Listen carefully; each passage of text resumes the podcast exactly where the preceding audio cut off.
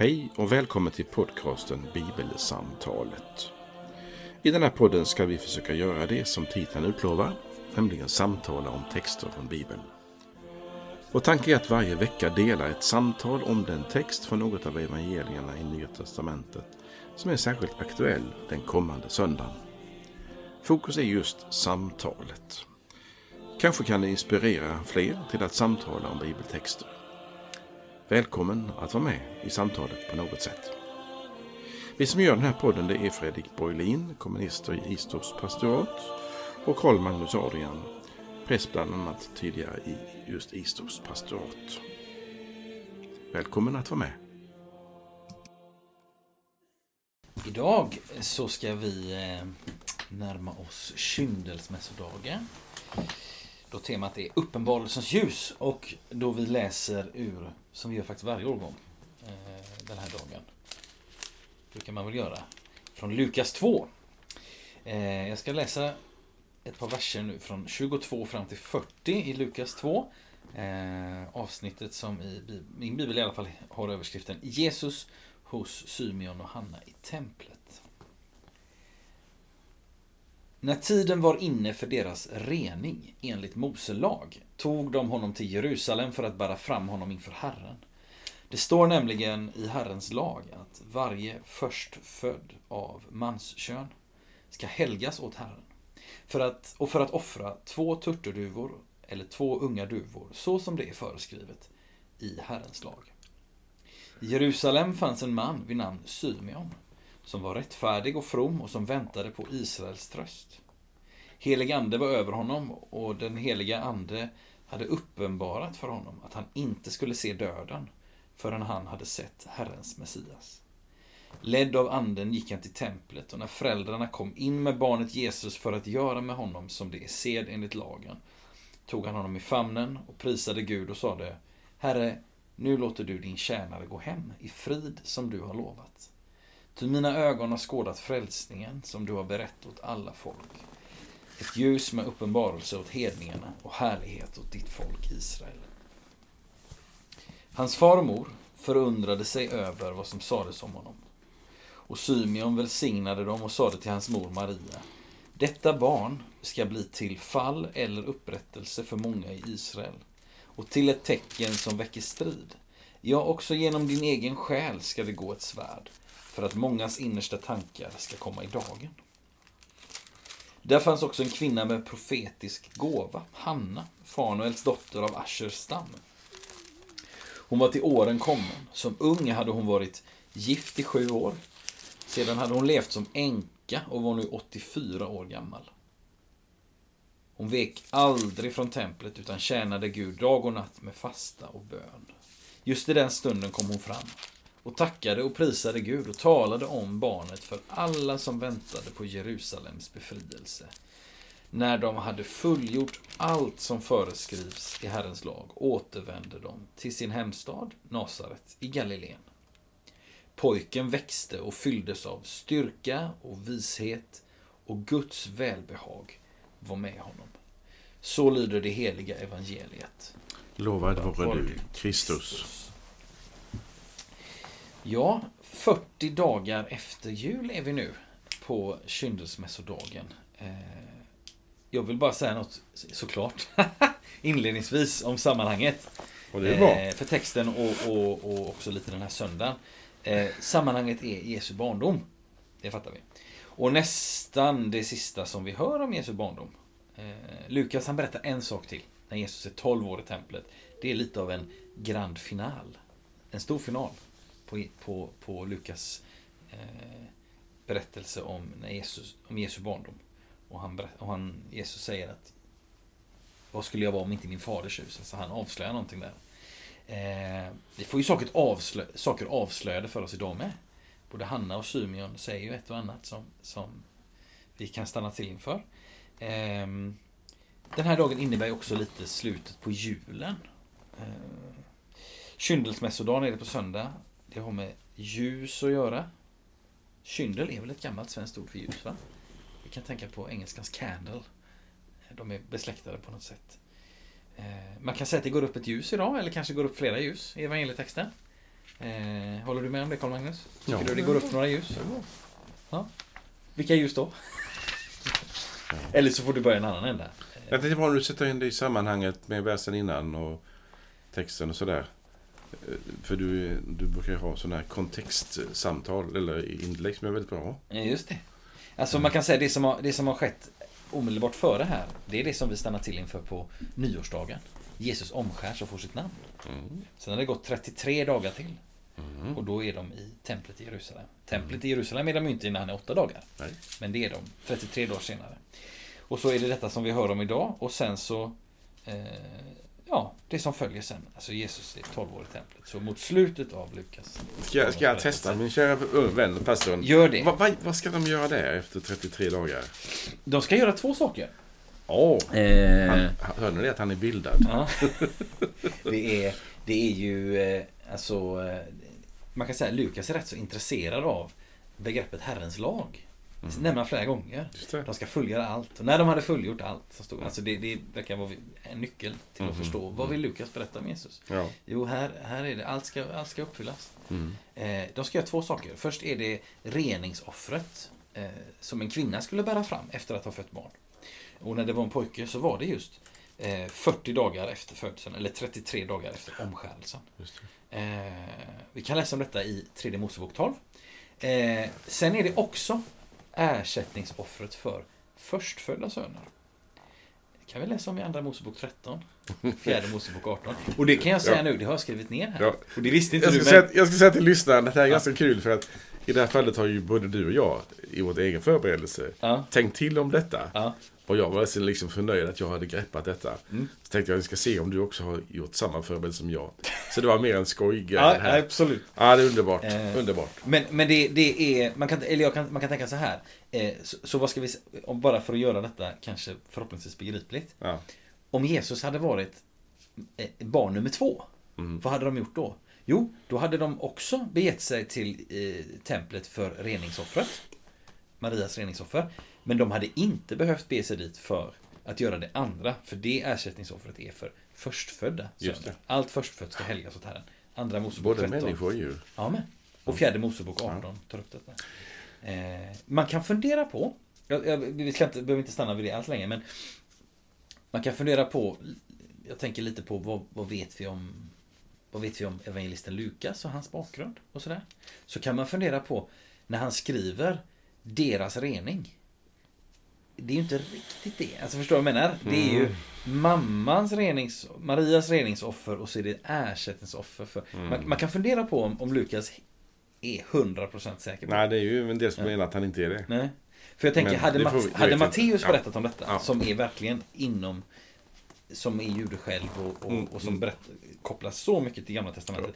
Tänkte jag, han hade nog beskrivit detta kanske med lite andra ord. Kan ändå. Ja. Men, men Ja. eh, som sagt, eh, tack vare att, att andra har läst detta och, och vi också själv kan vandra omkring i Bibeln Mm, så, mm, mm. så får vi till oss att nej, men det är det här, de här två sakerna. Här. Det, det är inget obskyrt eller Nej, nej, nej, konstigt med nej, detta. nej, nej, nej. Utan det Lukas syftar på är de här. Men Ja. han, hans ordval är, är. Och sen så handlar det också om en, hur har översättarna förstått detta? Alltså det, det, så att det, Ja, det det, var- är många det det var. Men vad, vad fastnade du för något Jag, jag tänkte för först göra en pudel. Mm. Jag upptäckte nämligen häromdagen, det var nog igår faktiskt, när jag tänkte tillbaka på en liten detalj från eh, förra inspelningen. När Mm. Ja. vi talade om eh, 13 jul. Ja, Om du minns det? jag minns det. Så var de vise männen, eh, de åkte ju till Jerusalem och så Ja. åkte de till Betlehem. Ja. Kommer du ihåg att jag då på din fråga sa hur långt det var mellan Jerusalem och Betlehem? Eh, ja, du sa typ 3,5-4 mil va? Det är helt fel. Och, och hur långt är det då? Det är ungefär 8-9 kilometer. Jaha, Så att jag pudlar detta i, Mm. i, så alla som lyssnade på förra avsnittet kan, inte, kan få eh, liksom dementera detta. Mm. Det är ungefär så långt. då vill jag också göra en pudel om jag får. Nämen. Jo, för jag vet att jag i något sammanhang eh, jag i något sammanhang då talade om detta. Eh, det kan ha varit i gudstjänsten, det kan ha varit kanske i gudstjänsten på på vårt äldreboende. Jag kan ha nämnt 3,5 mil också, lite i farten för att jag minns det från att jag, får Ja. nog, jag får nog pudla också i något sammanhang här. Men, ja, det är så men- bra, så bra så. Mm. Men ehm, ja, vi kan, vi kan väl gå in i texten och prata om det som är lite mer väsentligt. Kan vi absolut göra. Absolut, tycker jag.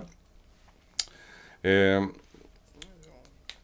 de är här eh, ungefär den tiden som vi sa. Och då kronologiskt sett så är vi ju före berättelsen om de vise männen. Mm.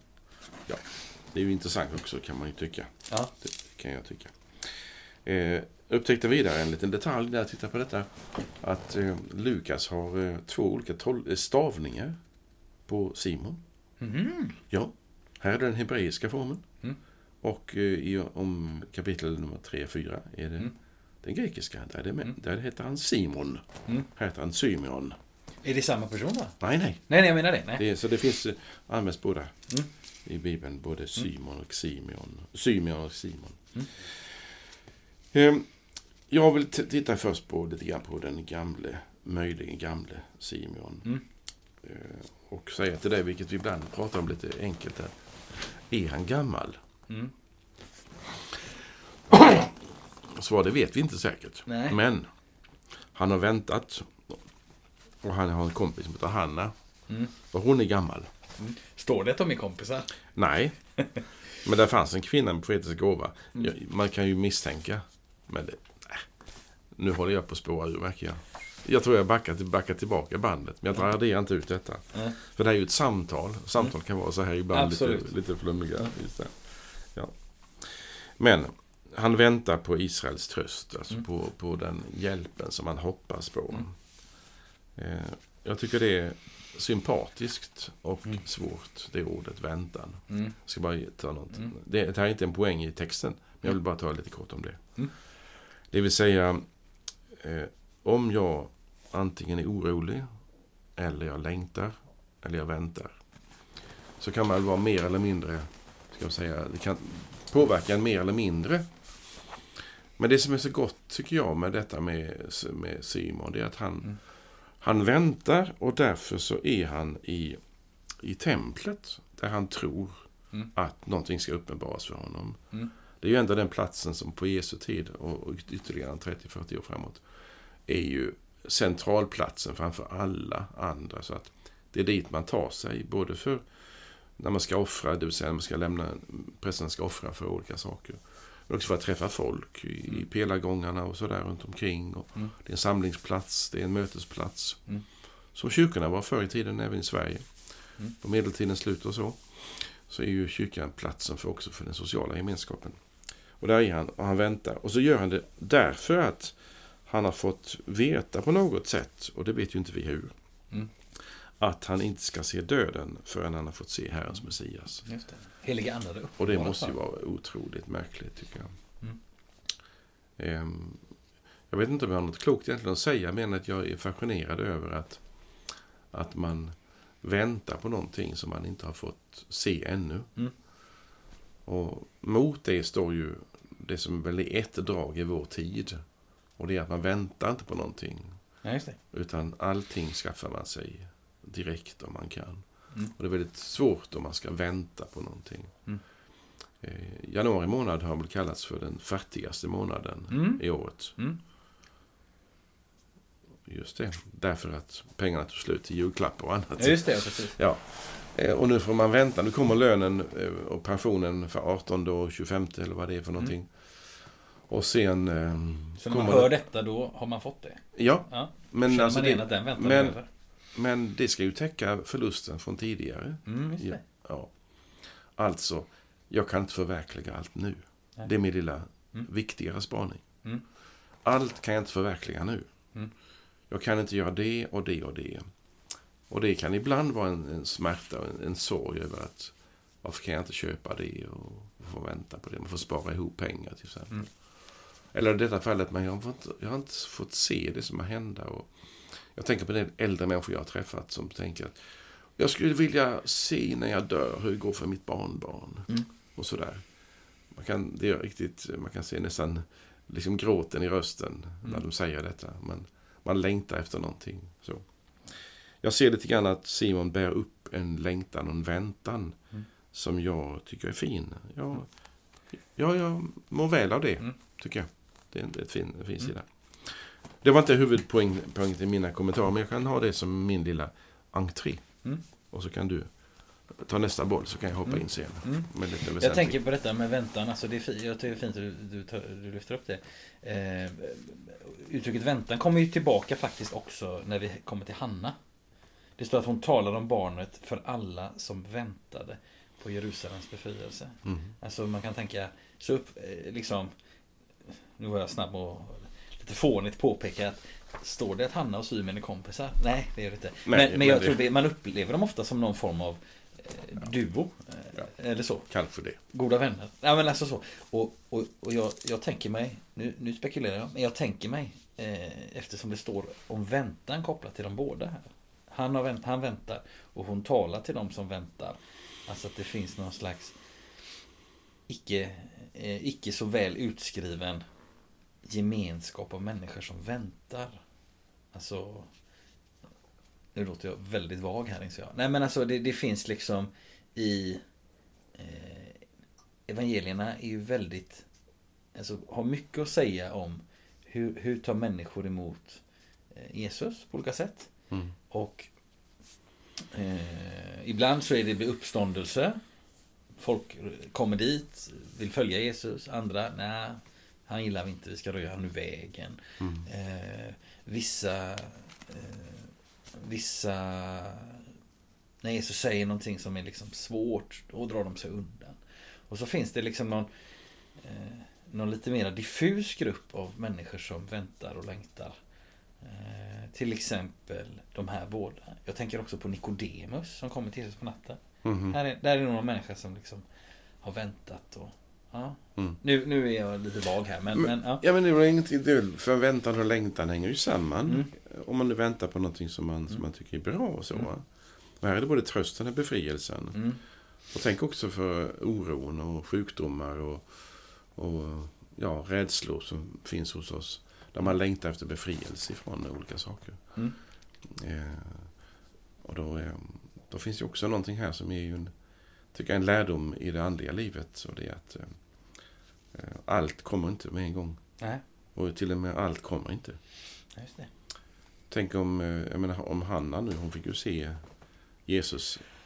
Simon visste om att han, längtade, han längtade efter en Messias som skulle få se henne. Men tänk så många judar på Jesu tid som inte fick se Messias, för de dog innan. Alltså, Ja. ja, det är en dum bi- bild, men det är så mycket också som inte fungerar för människor, för oss. Mm. Där man får vänta och så händer ingenting. En liten parentes som, som jag tänker på ibland. Min far hade, som ju var en hel del i Tyskland, han hade några vänner i Östtyskland som han besökte, alltså un- under tiden innan 1989, när det fortfarande var ganska ofritt där inne. Och han talade ganska ofta om när järnridån skulle falla. Han hoppades det, han bad om det till och med. Mm. Och han var djärv nog att prata med en östtysk eh, polistjänsteman och Mm. frågade honom när järnridån skulle falla. Och jag, jag blev ju jättegenerad och Ja. rädd Ja. med den frågan. Han dog 1988. Din pappa? Ja. Mm. Och 1989 föll muren. Mm.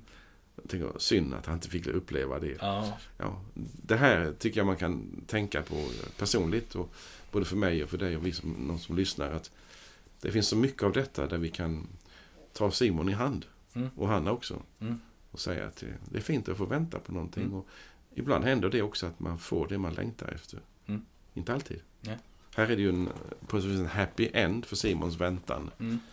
Sen undrar jag ju hur han begriper att det här lilla barnet är Jesus. Men det är ju en viktigare fråga som vi kommer till kanske nu. Mm. För så fort han ser det står det att han...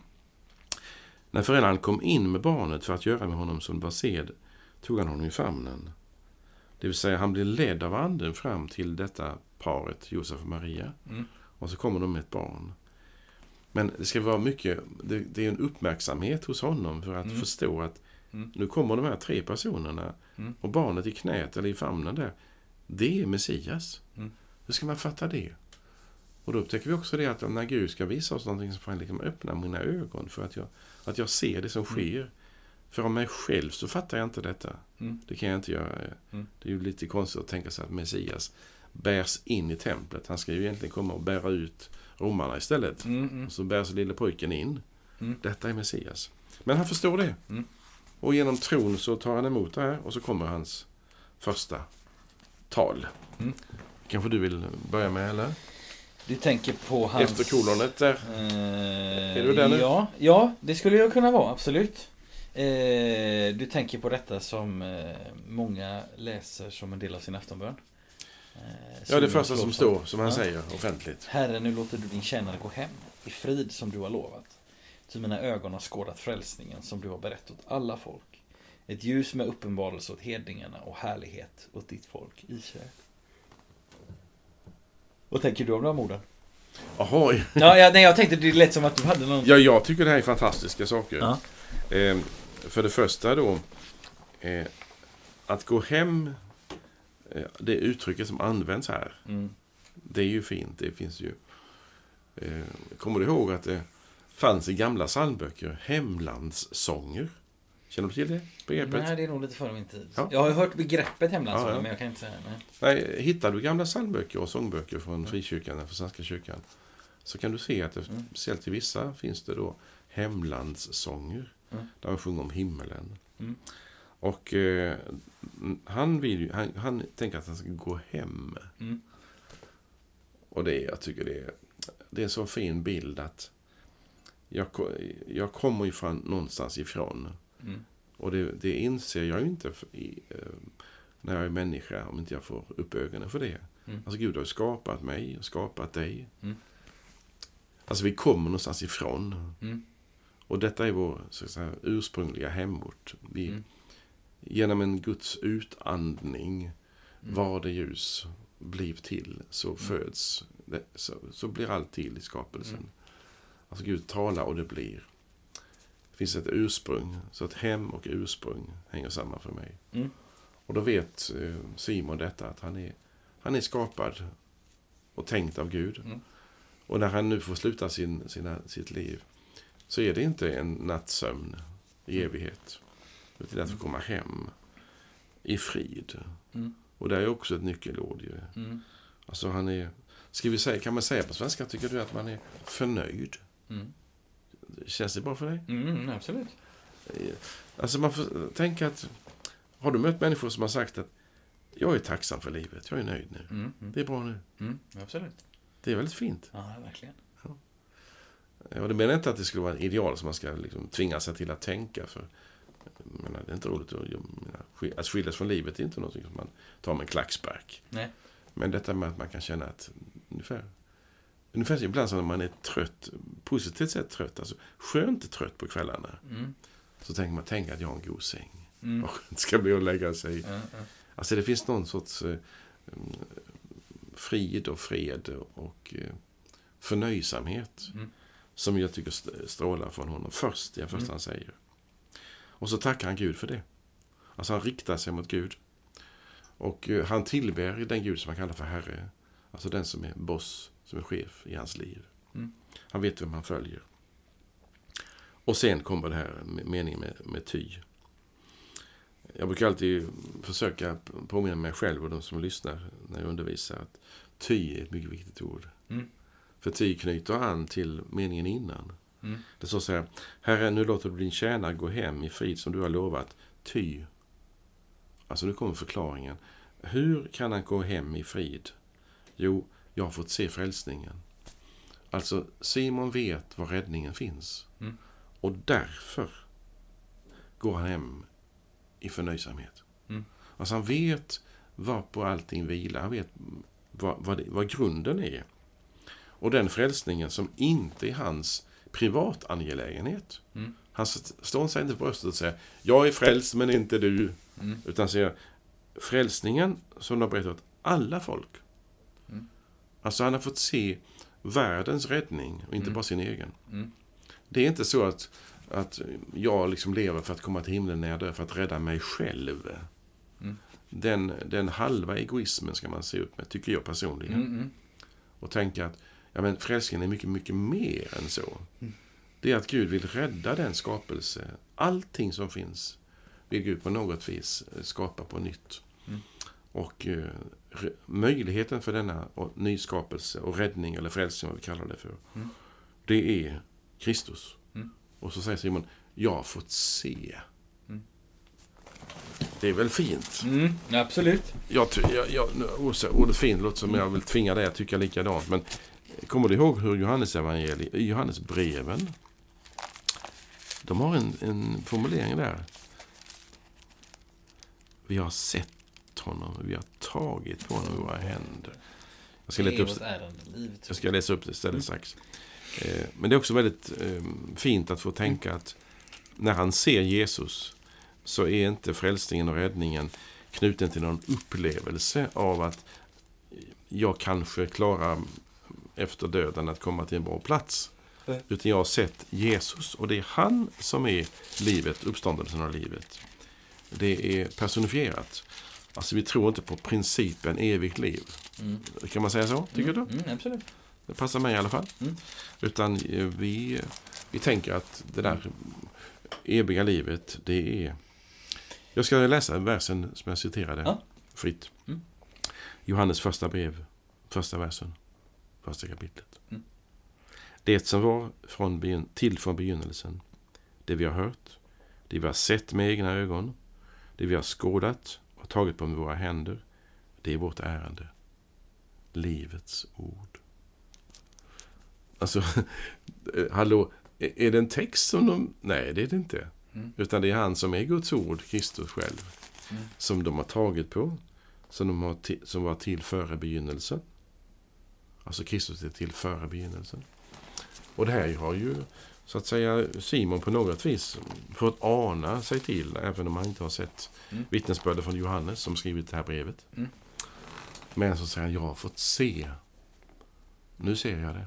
Mm. Jag kan ta på honom. Jag tar honom i min famn. Mm. Jag håller honom. Mm. Och säger tack gode Gud för frälsningen. För alla folk. Mm. Det gillar jag. Och jag, ja, och det är precis, det sätter saker i sitt rätta perspektiv. Liksom lite kopplat till det som du nämner. Det här alltså, det Symeon uttrycker är Jag har fått se vad du har gjort. Mm. Det är en ganska, det är en ganska tydlig rollfördelning mellan oss och Gud. Just det. Jag får se vad du har gjort. Mm. Precis. Inte jag har fått fullgöra ditt uppdrag eller jag har klarat av din eh, hemuppgift här. Jag får se ja. vad du har gjort. Mm. Eh, ja, det är fint. Eh, det, är en, ja, det är en förebild. Ja, man, man, det, och det är fint att läsa detta på kvällarna. Eh, mm. Herren, Ska... låter du din tjänare gå hem. Alltså ja. hela den biten. Det är fint. Det är ju sömnen och döden är ju parallella. Ja. Jag minns ju en jag har citerat kanske förr, men biskop Sven Danell som var i Skara stift för många, många år sedan. Mm. Han skriver i en liten skrift att att somna, det är som att dö på låtsas. Mm. Tycker, det är no ja. någonting där är fint. Ja. Att, att jag har ingen kontroll. När jag har somnat, så, ja. bortsett från drömmar, så ja, jag vet ju ingenting. Ja. Ehm, det är ju riskfyllt att lägga sig. Men eh, sömnen, det är som en förberedelse för den sista sömnen. Mm. Men nu ska vi ta fortsättning på där vi är precis nu också? Eller gick jag följa, följa dig? Tack, det kan vi göra. Ja, men det kan vi göra. För att det står så här. Till mina ögon har sett skådat frälsningen. Mm. Som du har berättat alla folk. Mm. Det är ju, tycker jag, punkten ett i hans... Om det finns ett budskap här. Mm. Vi kan säga så. Mm. Först talar han att han själv är tacksam. Mm. Han får gå hem i frid. Mm. Alltså, ungefär, jag är nöjd. Och så säger jag är nöjd eftersom jag har fått se frälsningen. Mm. Åh, är det en privat angelägenhet? Nej, nej, nej. Jag är insatt i ett, bland alla folk. Frälsningen kommer till alla folk. Och så eh, fortsätter det här och det är väl kul att höra om, om du har fått någon uppenbarelse av det som nu kommer. Ja, till Upp, hedningarna. Uppenbarelse åt hedningarna mm. och härlighet åt Israel. Mm. Har du mediterat över de här två orden? Mm, du menar att det är liksom eh, några för något och några för något annat? Ja, hedningarna är ju alla som inte är judar. Mm. Absolut. Får en uppenbarelse. Mm. Och härligheten åt Israel. Mm. Varför säger han så? Jag kan säga att jag inte fått ljus över det, utan jag får tänka högt mm. i så fall. Men då kan vi tänka högt tillsammans. Ja, du får börja. Eh, man kan ju tänka så här då, om vi ska bara liksom bryta ner det här i, i liksom små beståndsdelar. Så kan man, man kan tänka så här. Eh, när det står att Gud ska ge uppenbarelse åt hedningarna och härlighet åt ditt folk Israel. Mm. Betyder det då ni ska få en sak och ni ska få en annan sak? Eller betyder det ni och ni, nu håller jag upp liksom två händer som pekar åt olika håll. Ni ska få en sak som för er betyder detta och som för er betyder detta. Och jag tänker att det är det senare. Ja, då skulle jag vilja kaxigt säga att det måste vara det. Ja. Eftersom det först säger frälsningen för alla. Ja. Och där ser, där ser jag, att, jag ser att kolon i, i luften där som inte står i texten. Alltså frälsningen åt alla. Alla folk. Och sen som du sa, din version 2. Jag skulle säga att det är ungefär som att om, om du och jag, Carl-Magnus, eh, eh, har... Eh, Det kommer en bolinsk bi- bild nu. Ja, just det. Jo, det gör det faktiskt. Eh, jag tänker så här att om, om vi, vi, säger, vi tänker följande, som är lite förankrat i verkligheten. Du tycker mycket om att spela orgel. Mm. Och så tänker vi, jag, jag är helt ny, helt, jag är helt, för mig är det ett helt okänt begrepp, orgel. Jag vet inte vad det är. Ja, det, Låt säga att jag, vi låtsar det, ja. vi låtsar det. Vi jag, har ingen okej. aning om vad en orgel Ja, är. ja. I, fråga någon, Fredrik, vet, vad är en orgel? Jag kan säga, ingen aning. Nej. Jag har inte ens hört ordet. Och så, så kommer en vän till oss. Och så säger han, Fredrik och Carl-Magnus, nu ska ni tillsammans få en gåva. Ni ska få en orgel. Då kommer du att bara, oh, det här känner jag till. Det här är jättefint. Det här har jag, det här har jag ägnat mycket tid åt. Jag, jag, eh, vad glad jag blir. Mm. Och Fredrik, han har aldrig hört talas om detta. Så han får liksom upptäcka någonting som är helt nytt. Medan du får lite mer, mm, det här är mammas gata, men oj vad gott detta känns.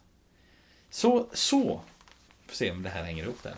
Lite så tänker jag det med detta. Det vill säga, eh, härlighet åt ditt folk Israel. Israel får någonting som Gud har talat länge med dem om. I Gamla Testamentet. Eh, oändligt med profetior som handlar om Jesus. Nu kommer det till dem. De får någonting som de i viss mån redan känner till. Hedningarna får ett ljus med uppenbarelse. De har ingen aning om. Nej. Vad, vad, är, vad är detta? Men det är ändå en gåva till dem. Jag tycker det är kul att, att, att, att ha det som en spaningsstart. Ja. Väldigt bra. Eh, begreppen och bilderna, det, jag behöver inte, kommentera eller back, inte heller betygsätta det på något vis. Tvärtom. Det vill säga, låt det vara en neutral Ja, bild ja, för mig. Mm. Eh, bröt jag av det nu? Nej, nej, kör. Jo, jag menar om det är så här att det finns någonting i, när vi talar om Bibelns sätt att beskriva hur Gud visar sig för människor Mm. eh, och i skapelsen. Så finns det för mig så här, det ser ut så här. Gud har skapat allt. Eh, Gud kan vi inte se.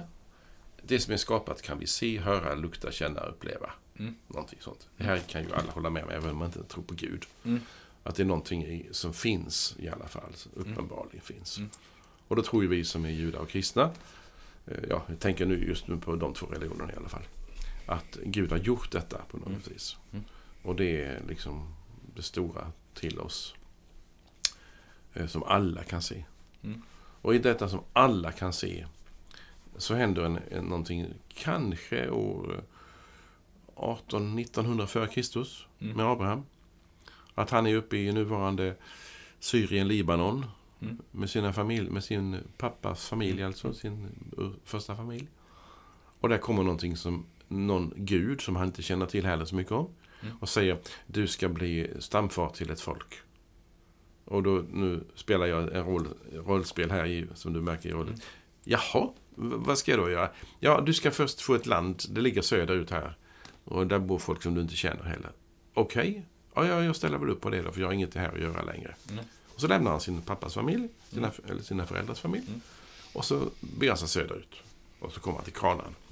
Mm. Och till slut så kommer han tillbaka dit igen, för det, han gör en liten sejour i Egypten. Just det. Och sen så är det ju så att säga deras land. Eller ungefär, de får bo där i alla fall. Och då är det en massa löften knutet till Abraham. Men sen, går, sen är det en lång, lång parentes på 400 år, mer än det. Mm. När den judiska majoriteten inte bor där, utan de är i Egypten. Mm. Och sen kommer de tillbaka igen till Kanaan Mm. och intar det här området som då bebos av andra än de själva. Mm. Och då kommer Mose in i bilden, alltså 400 år senare, 1300-1400-talet före Mm. Kristus. Och får del av lagens eh, tavlor, alltså buden och Mm. löftena, ytterligare nya löften. Och det är detta som finns med som en linje genom hela Bibeln. Mm. att Gud har gjort någonting genom Abraham och genom Mose till folket Israel. Mm. Och den härligheten som Gud så att säga, lovade, som du sa så bra nyss, den har ju liksom förminskats genom att bara något, något, ett tio, hundratal år senare, drygt det i alla fall, så mister de sitt land. Mm. Efter Salomo så blir det delat och sen på 700-talet så blir det erövrat och så blir det erövrat en gång till på 500-talet före Kristus. Mm. Så det är en oerhörd ska jag säga, förlust. Det, det, är en, det är en tragik för, is, för folket i Israel. Och nu tänker jag inte framförallt staten Israel, jag tänker folket Israel nu. Mm. Jag skiljer på det ibland. I det här sammanhanget i alla fall.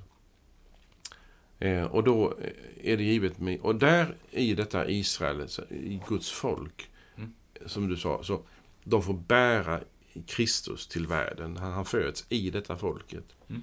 Och när du nyss citerade Lukas om hur han, han är mån om att tala om att de uppfyller lagen, alltså han, Jesus och Maria och Josef, de lever i, i den judiska lagens ram kan man säga.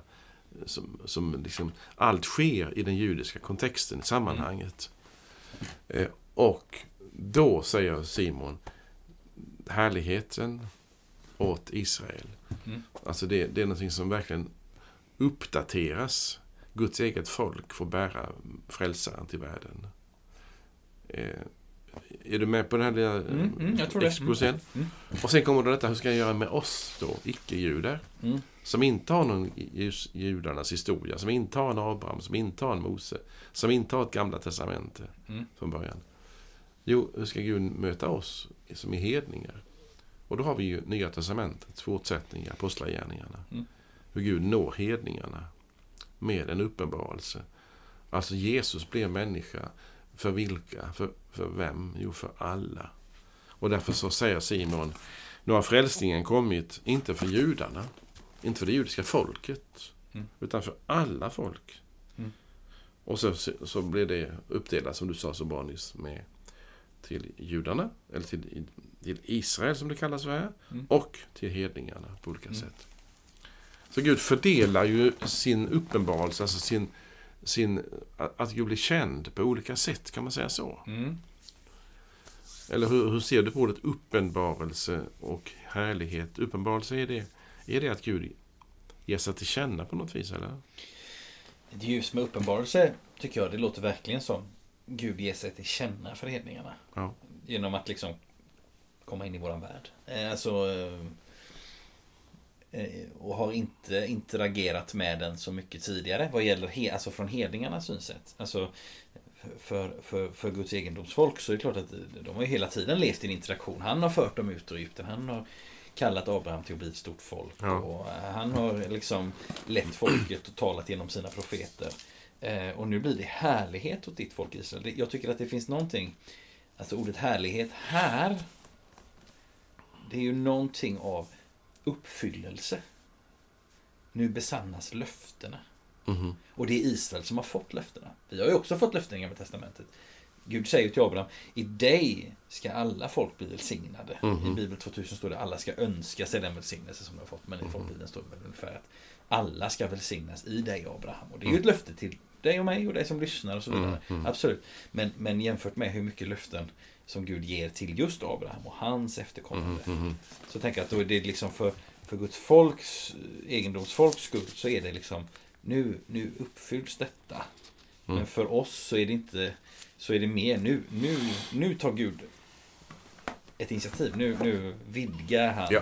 eh, vidgar han eh, vilka han Alltså förstår du vad jag menar? Ja. Eh, Jag viftar mycket med händerna här. Det är svårt Ja, för dig som lyssnar och ser det. Men Men du, jag- har en idé som du kan ge respons på. Gärna. Ibland när jag eh, tänker på detta som vi talar om precis nu, det blir Mm. bara några verser mitt, eller i ganska början av, kapi- av eh, stycket. Ja.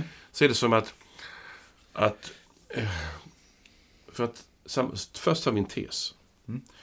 Du måste inte bli jude för att bli kristen. Nej. Alltså, om du nu är hedning, så svensk eller finsk eller var du kommer ifrån, Mm. från Nederländerna. Ehm, och så har du mött Jesus på något vis, eller han har mött dig. Eller på något vis har du kommit i, kontakt med, med den kristna tron. Mm. Då kan det vara intressant när man börjar läsa Gamla Testamentet första gången på nytt. Mm. Oj, oj, oj! Mm. Och så möter man judar som lever i sin, i sin tro på, utifrån Mose lag. Oj, oj, oj. Och det blir så fantastiskt med det. Och det är det verkligen, tycker jag också. Mm. Men du ska inte gå den vägen, du som är hedning, alltså svensk, tysk, Mm. finländ. Du ska inte gå, först bli jude för att kunna fatta det här med vad Jesus är för någonting. Mm. Men genom att förstå Jesu judiska samtid Mm. så kan du få otroligt vä- värdefulla redskap för att ana det där med Jesus. Mm. Men du ska inte först bli jude för att kunna bli kristen. Ja. Och det fanns ju den frestelsen i den första församlingen i Galatien. Mm. När Paulus skriver till dem så har de ju eh, jo, de är på väg till ett, att göra ett misstag. Mm. Det har några, några kommit dit för att försöka få dem till att först fu- fullfölja Mose lag för att vara riktigt kristna. Alltså riktigt bibeltrogna. Mm.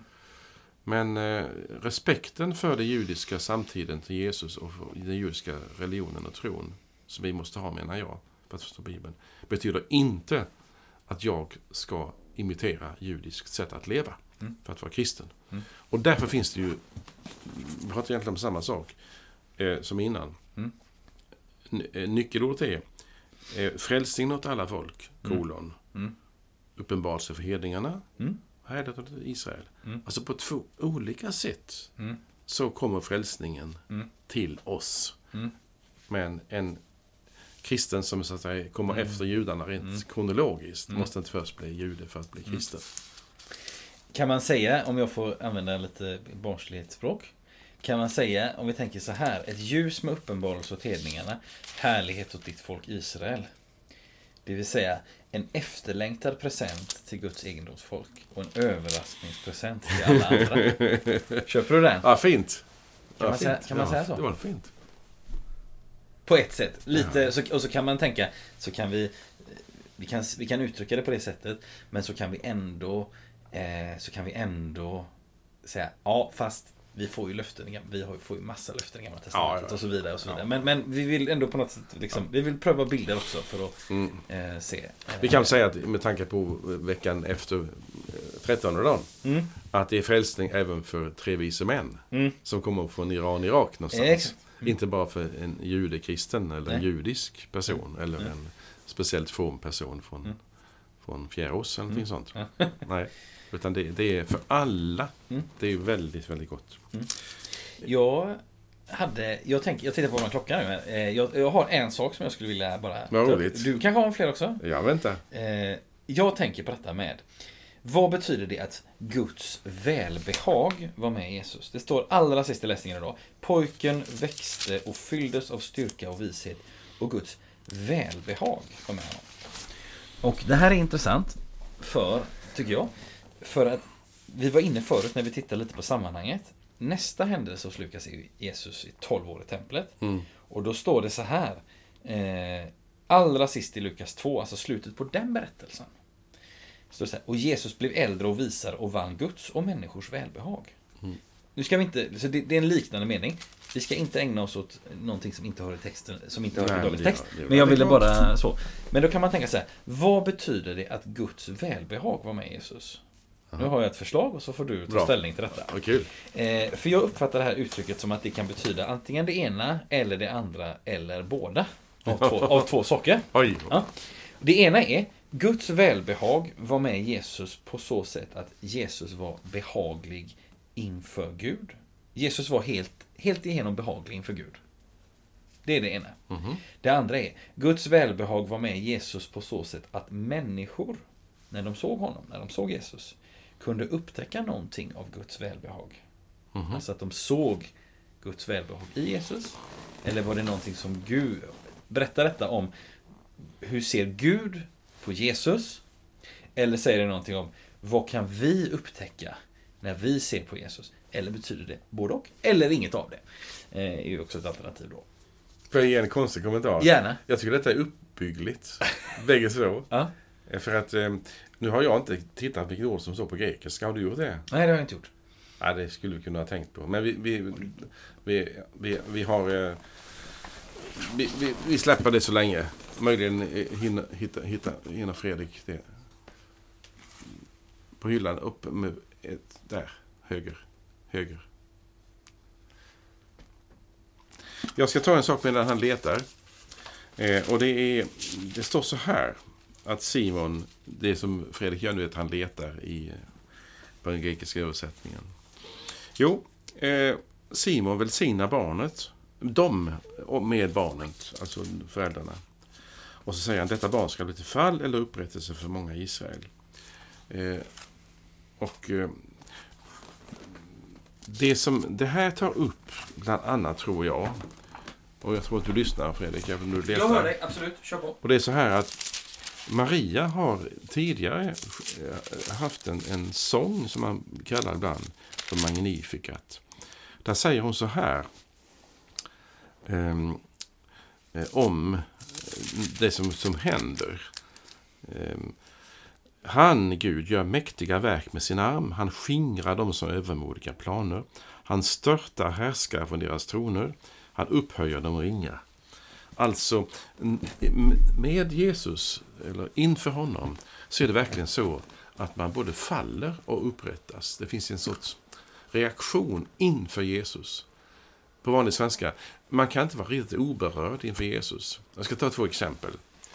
Eh, ibland när jag undervisar och, och, menar att Jesus är det som sammanfattar allt och som är poängen med allting, så kan jag ana att det finns en kritik och säga att du, du bara kör med Jesus hela tiden.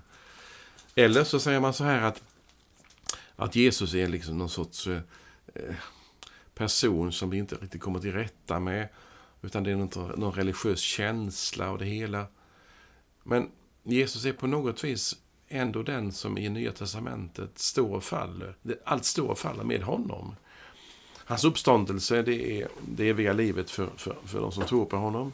Alltså hans egen kroppsliga uppståndelse. Han är den som både ger möjlighet till reaktion positivt och negativt. Alltså återigen min lilla tes. Man kan inte vara riktigt eh, neutral inför Jesus. Du kan tycka om honom. Du kan vara irriterad på honom och du kan sätta honom i halsen. Negativt sett alltså. Mm. Det är för mycket med Jesus. Mm. Men det är någonting med Nya Testamentet som ju är omöjligt utan Jesus. Mm. det säger jag med ett leende på lapparna. Det vill mm. säga, det är väldigt tydligt. Mm. Och eh, han verkligen lyfter upp mm. och han bryter ner. Mm. Det vill säga det finns en reaktion. Och det väl är det. Mm. Man kan inte vara ljum inför Jesus. Kan man mm. säga så? Nej, det är svårt. Nej. Nu har du undersökt det här ordet. Tack för det. Det har jag. Och eh, eh, man, kan säga, man kan säga så här att, att det ordet som gömmer sig bakom Guds välbehag. Eh, det är ett det är inte bara ett stort ord, i, utan det är det stora ordet i hela Nya Testamentet. Det är charis, nåd. Nämen. Guds nåd var med Jesus. Det kunde vi tänkt på. Eh, och då, då tänker jag, eh, eller det, tänk, det tänkte jag innan också, men då fortsätter jag att tänka. Eh, Guds välbehag var med honom. Guds nåd var med honom. Det vill säga, Jesus var helt en och behaglig för Gud. Det vill säga, det, det, det kan vi sluta oss till mm, mm, mm. utifrån den kristna teologin. Att Jesus var det syndfria offret. Ja. Det är därför hans offer ja. i vårt ställe funkar. För han var syndfri. Eh, det andra, i, i, det fakt i Jesus kan vi se något av Guds välbehag. Det vill säga, han har blivit människa. Han älskar sin mänsklighet. Han har kommit till oss för att eh, upprätta relationer med oss. Eh, vi kan upptäcka Guds nåd. Guds nåd var med Jesus. kan vi se på båda sätten. Men nu, kära vänner, så är vårt samtal för idag slut. Ja. Eh, vi kraschlandade. Nej, vi paniklandade här. Eh, ja, vi, jätteroligt att samtala. Eh, hoppas att du som har lyssnat har Eh, både fått eh, känna dig, att du är med här, men också att eh, du har något sammanhang att samtala i. Det var ju vår önskan också, att det ska leda till fler samtal. Eh, tills vi hörs igen önskar vi dig allt gott och Guds välsignelse. Hej då! Hej då!